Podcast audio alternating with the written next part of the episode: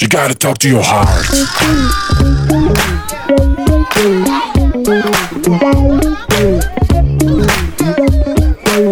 You gotta talk to your heart. אז שלום שלום למונה אבן, דיאטנית קלינית, my best friend, חברתי הטובה ביותר. ואונור רוקשטיין, מאבדת כושר בחירה. ו... החיים שלי בלב. חיים שלי. טוב, אז uh, אני אתחיל בלהגיד uh, מזל טוב ליום הולדתך ה-30 פלוס פלוס פלוס. Uh, שנות ניסיון. ובוא נספר כאילו, מה, מה עשינו ביום הולדת שלך? יאללה, בוא, בוא נתחיל אבל מההתחלה של הסיפור. ההתחלה של הסיפור היא קצת אחרת. אני אמרתי לך שאני אמורה לעשות צניחה, שעשיתי צניחה חופשית ואני מתה מפחד. ואז הייתי אמורה לעשות שוב, ולא לא הרגשתי טוב באותו יום, אחיינים שלי עשו ולא עשיתי. וזה היה לי מאוד נוח. אמרתי לך גם, אני מתלבטת, כן לעשות, לא לעשות. מאוד היה לי נוח לא להרגיש טוב באותו יום, ובאמת לא עשיתי.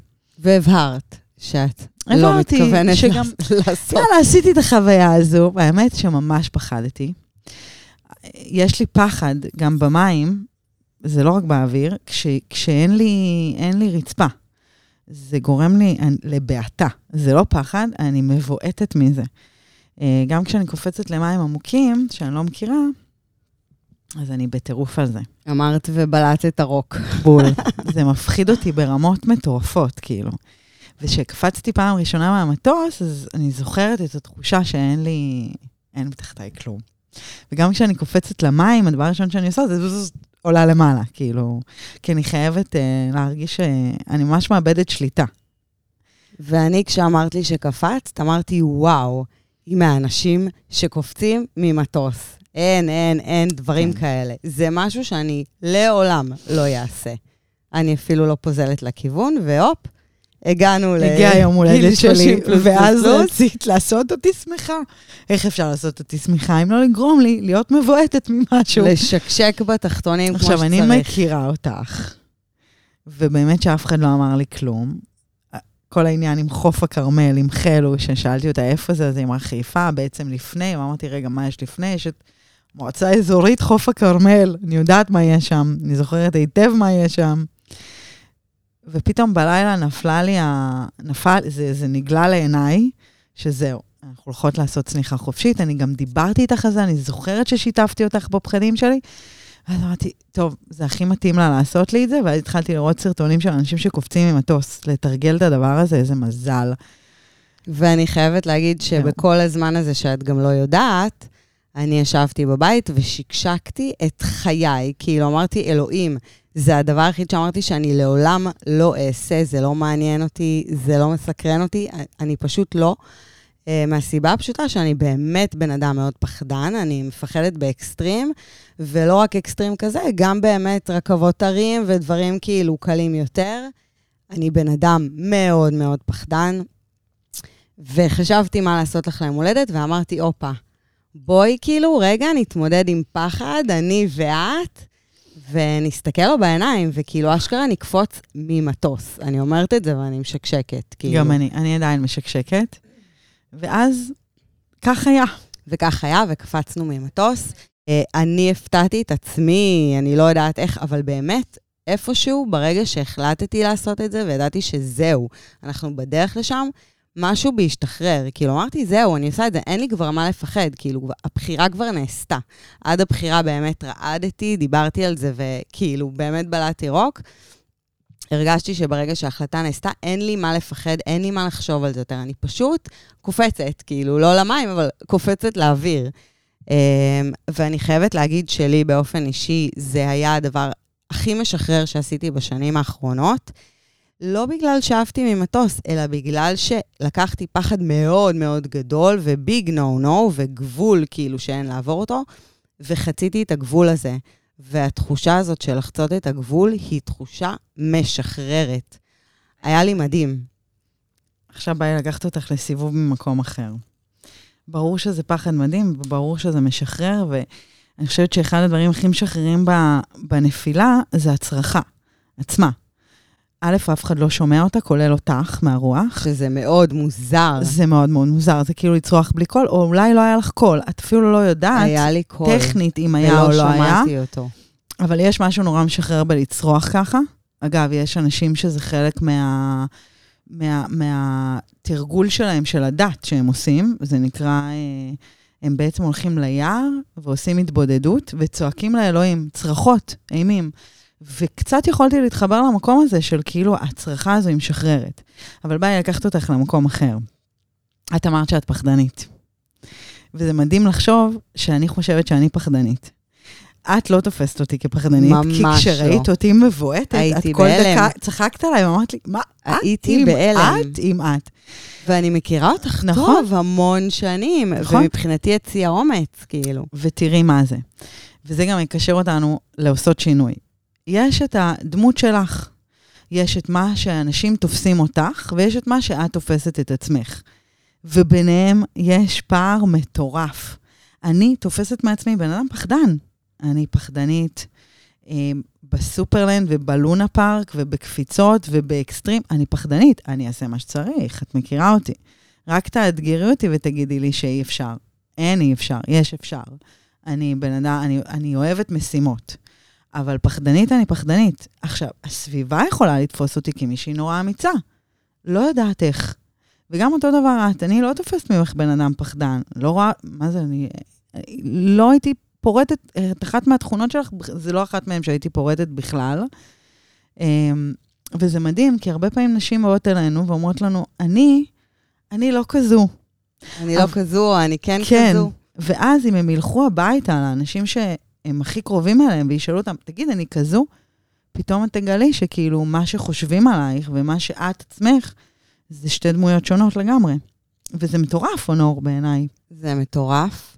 Um, לי אישית, אני לא סתם פחדנית, יש לי אישו עם פחד, כי אני מאוד שונאת לפחד. זה הדבר שאני הכי שונאת בעולם, ועם זאת אני מפחדת. אני מפחדת מהחושך, אני מפחדת מאקסטרים, אני מפחדת מסדרות מפחידות. באמת, אני בן אדם מאוד מאוד פחדן. ובעצם פחד זה סוג של אה, משהו מאוד פרימיטיבי. כאילו, אם, אם נגיד תסתכלי על האדם הקדמון אה, במערות, הפחד בעצם בא להגן עליו. כאילו, ממה הוא פחד? מחיות טרף, הוא פחד ממאכלים שהוא לא מכיר, שיכולים לגרום לו אה, אה, למות, או את יודעת, מכל מיני אה, דברים רעילים שהוא מצא על עצים. אה, והפחד באמת שמר אותו. ובעצם פעם אנשים חיו, היו צריכים לשרוד. זה היה מה שמניע אותם, הישרדות, והפחד הוא מאוד חשוב להישרדות. היום אה, אני חושבת שאנחנו הפסקנו לחיות בשביל לשרוד, והתחלנו לחיות אה, בשביל ליהנות מהחיים, והפחד נהיה, במקום לשמור עלינו, הוא נהיה מין מגבלה כזאת. והמגבלה הזאת, היא מטריפה אותי. אני שונאת שיש לי חומות שאני לא יכולה לעבור. אני מרגישה כלואה בחומות האלה. ויש לי איזושהי אובססיה בחיים להתמודד עם פחדים, ולקחת את הדברים שהכי מפחידים אותי, ולהסתכל להם בעיניים ולעשות אותם, על אף הפחד. אמ, ומעניין אותי אם אה, יש לך איזשהו פחד גדול בחיים, שפשוט אמרת, אני הכי מפחדת בעולם, וזאת הסיבה שאני הולכת לעשות את הדבר הזה. וואו. אמ, יש לי. כאילו, כשדיברת על זה אפילו, ידעתי שאת הולכת לשאול אותי את זה. אחד הפחדים הכי גדולים שלי היו מוות. נורא פחדתי לראות בן אדם מת במציאות. את יודעת, אין לי בעיה לראות סרטים, אנשים מתים בסרטים, אנשים מתים בסרטים אמיתיים, אין לי בעיה לראות את המוות, רק שלא ייגע בי. אני לא רוצה לראות אותו פה לידי, אני לא רוצה להריח מוות. אני לא, אני לא רוצה את זה. אני, אני מפחדת מזה ברמות קשות. זאת אומרת, כשעבדתי בבית חולים, היה בי איזשהו חשש שאני נכנסת לחדר ומישהו ימות שם, או מישהו מכוסה שם. נורא לא אהבתי את התחושה של המלאך המוות הזה מסתובב. ואז אה, אבא שלי חלה. ובימים האחרונים, כאילו, מה זה בימים? בחודשים האחרונים של אבא שלי, אז הוא היה אצלי בבית, בהוספיס ביתי, ו...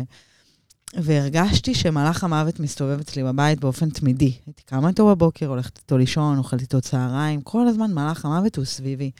אני זוכרת כמה הפחד, הוא היה ברמת היום-יומי, זאת אומרת, אני מפחדת שהוא ימות. מהרגע הזה, אני מהרגע. זוכרת שגם היו לנו הרבה שיחות. כן, אני את מתה פחדת מפחד. מהרגע, מתי זה יקרה, איפה זה איך יקרה. רואים אדם מת? מה, נוגעים בו ואין חיים, וזה נגמר, הסוף הפחיד אותי בטירוף.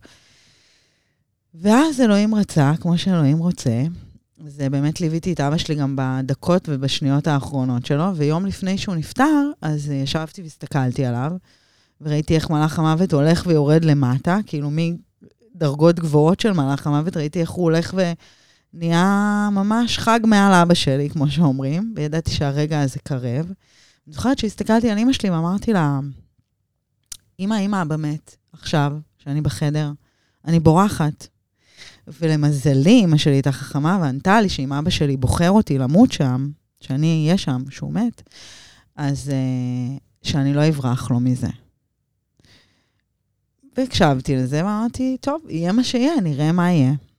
ואני, באמת אה, היה קטע כזה שהגעתי לאבא שלי לבית חולים, וזה היה הנשימות האחרונות שלו, ובאמת היה לי את הכבוד ללוות את אבא שלי מהעולם הזה, כמו שאת מלווה תינוק פנימה, אני ליוויתי את אבא שלי החוצה. והרגע הזה, לראות את המוות מגיע, זה לא את המוות, זה, זה, זה ברמה גבוהה יותר, זה לראות את הפחד הכי גדול שלך בעולם, ברמה של אני לא רוצה לדבר עליו, מתממש מולך, זה היה, זה היה לי מאוד קשוח. ופתאום כשהסתכלתי עליו, כי ישבתי הרבה זמן ליד אבא שלי, כי גם רציתי להתמודד עם הדבר שפחדתי ממנו מכל, והיום אני יכולה להגיד לך, שאין אין דברים שמפחידים אותי כבר, שקשורים במוות. אני לא מפחדת יותר מהמוות. אין, הוא לא, הוא לא מפחיד אותי בשום צורה. ישבתי לידו הרבה מאוד זמן, המון, עד, ש... עד שהסכמתי שיחסו אותו, אז התמודדתי עם זה, הסתכלתי על זה, נגעתי בזה, עברתי את זה. ואני באמת מאמינה שכאילו המוות הכי, המוות, הסוף הכי הכי, הפחד הכי גדול שלך בעולם, הוא בסופו של יום, הוא דקה. הוא שתיים, הוא עשר, אבל הוא נעלם. ואם תחכי מספיק זמן, את, את גם תתגברי עליו. ככה חוויתי את זה עם המוות, וזה באמת היה אחד הדברים שהכי פחדתי מהם. כל השאר זה גיש, וזה גם נראה אחד לי קטן. הדברים שאני חושבת שהכי שינו אותך, כן. חיזקו אותך, הראו לך פרופורציה. אה, אני זוכרת אותך איך יצאת משם. וואו, זה היה, זה היה רגע... כאילו הוא באמת בחר אותי, כי גם לא הייתי אמורה להיות שם, ופתאום התעוררתי מתוך שנה בבית, ופשוט הלכתי לשם, זה היה באמת בשניות, בנשימות האחרונות שלו, וכאילו חוויתי את הדעיכה הזו, ואת ה... כאילו אמרתי, אני הכי מפחדת מהמוות, אז אמרו לי, שומעת?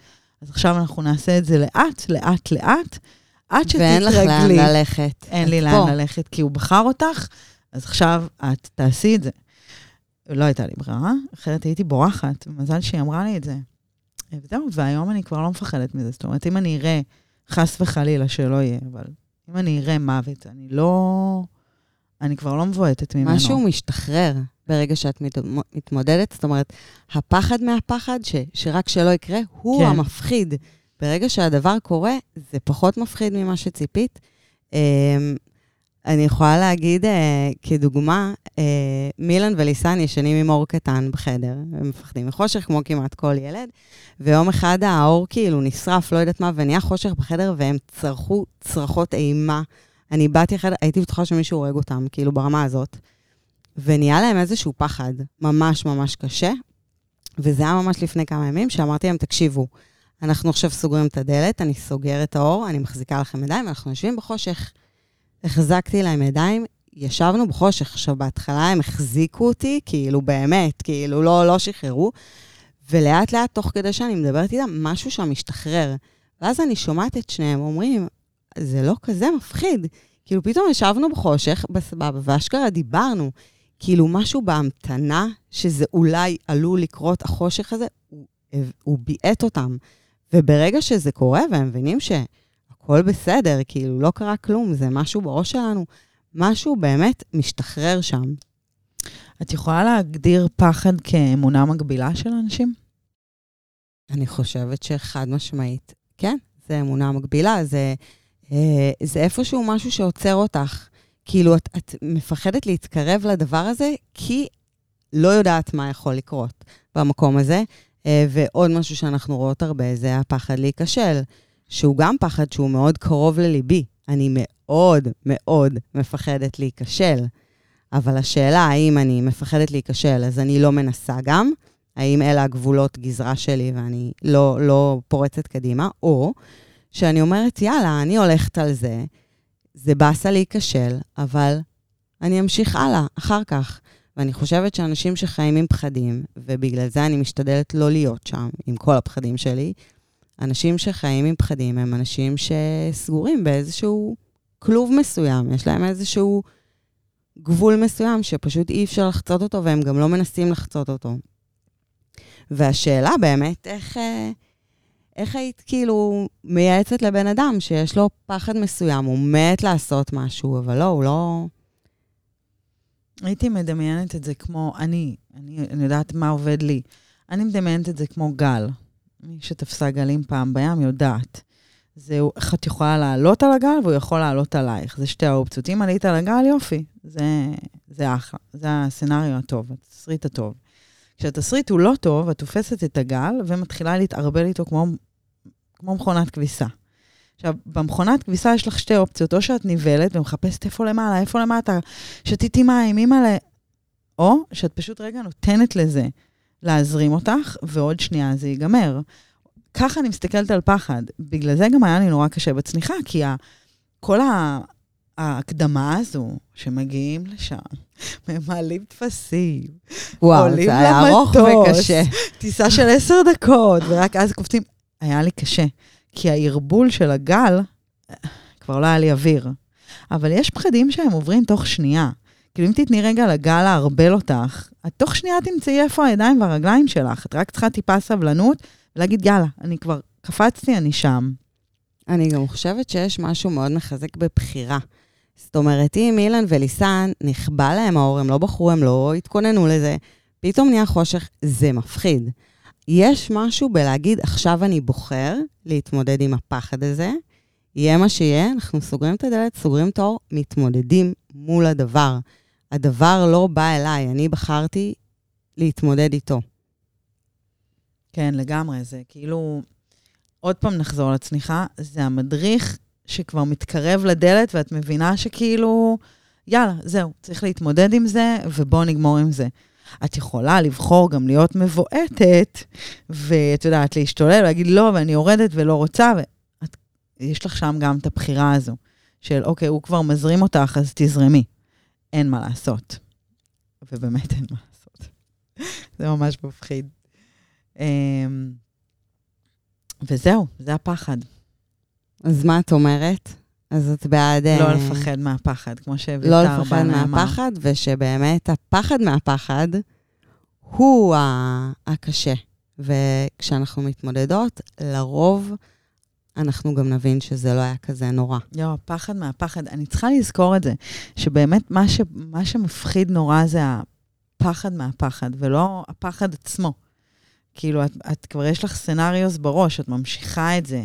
את כבר לא... זה כמו הריב עם הבעל בראש. את כבר יודעת כן. מה הוא ענה ואת עצבנית עליו יותר. זה שם. כן, אני אנסה לזכור את זה בפעם הבאה. ו- לא יהיה עוד, סליחה. אבל. ו- אבל אמרנו שכל יום הולדת משהו אחר, כן. ואנחנו נמשיך להתמודד עם פחדים. אני, אני בעד. אה, אגב, גם עשית את הצלילה, שהייתה התמודדות. וואו, זה, מ- בדיוק, זה בדיוק כיוון. אותו דבר. העניין הזה שאין לי, לי מתחתיי כלום, הוא, הוא גורם לי לטירוף. ואני כל כך אוהבת את הים, שזה לא היה נראה לי הגיוני שאני לא בן אדם שצולל, לא יכול להיות. לא הגיוני, זה לא נתפס. ובאמת הלכתי, כשניסיתי כמה פעמים לעשות שנורקלים, שתביני כמה הפחד הזה הוא מוחשי אצלי, היה לי דפיקות לב, זאת אומרת, השעון שלי התחיל... אה, לז- להשתגע. כן, להשתגע. ואז החלטתי שאני עושה שני כוכבים, שזה צלילה ל-30 מטר, שבחלק מהצלילות את גם אין לך רצפה תחתייך, שאז סיימתי את הבלון של הגז, כמעט החמצן על הגב מה, מהלחץ.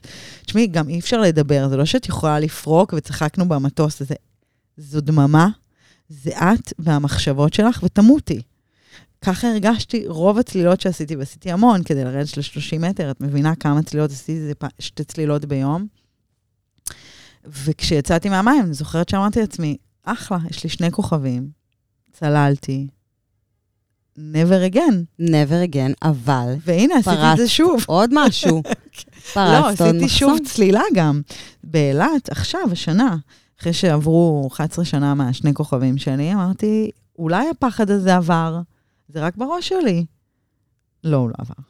אני חטפתי התקף פאניקה מתחת למים, אבל סיימתי גם את הצלילה הזו. יש משהו בפחד שהוא מאו- מאוד קשה לי שזה מנהל אותי. זה- קשה לי. זה- זה העניין, כן. קשה לי.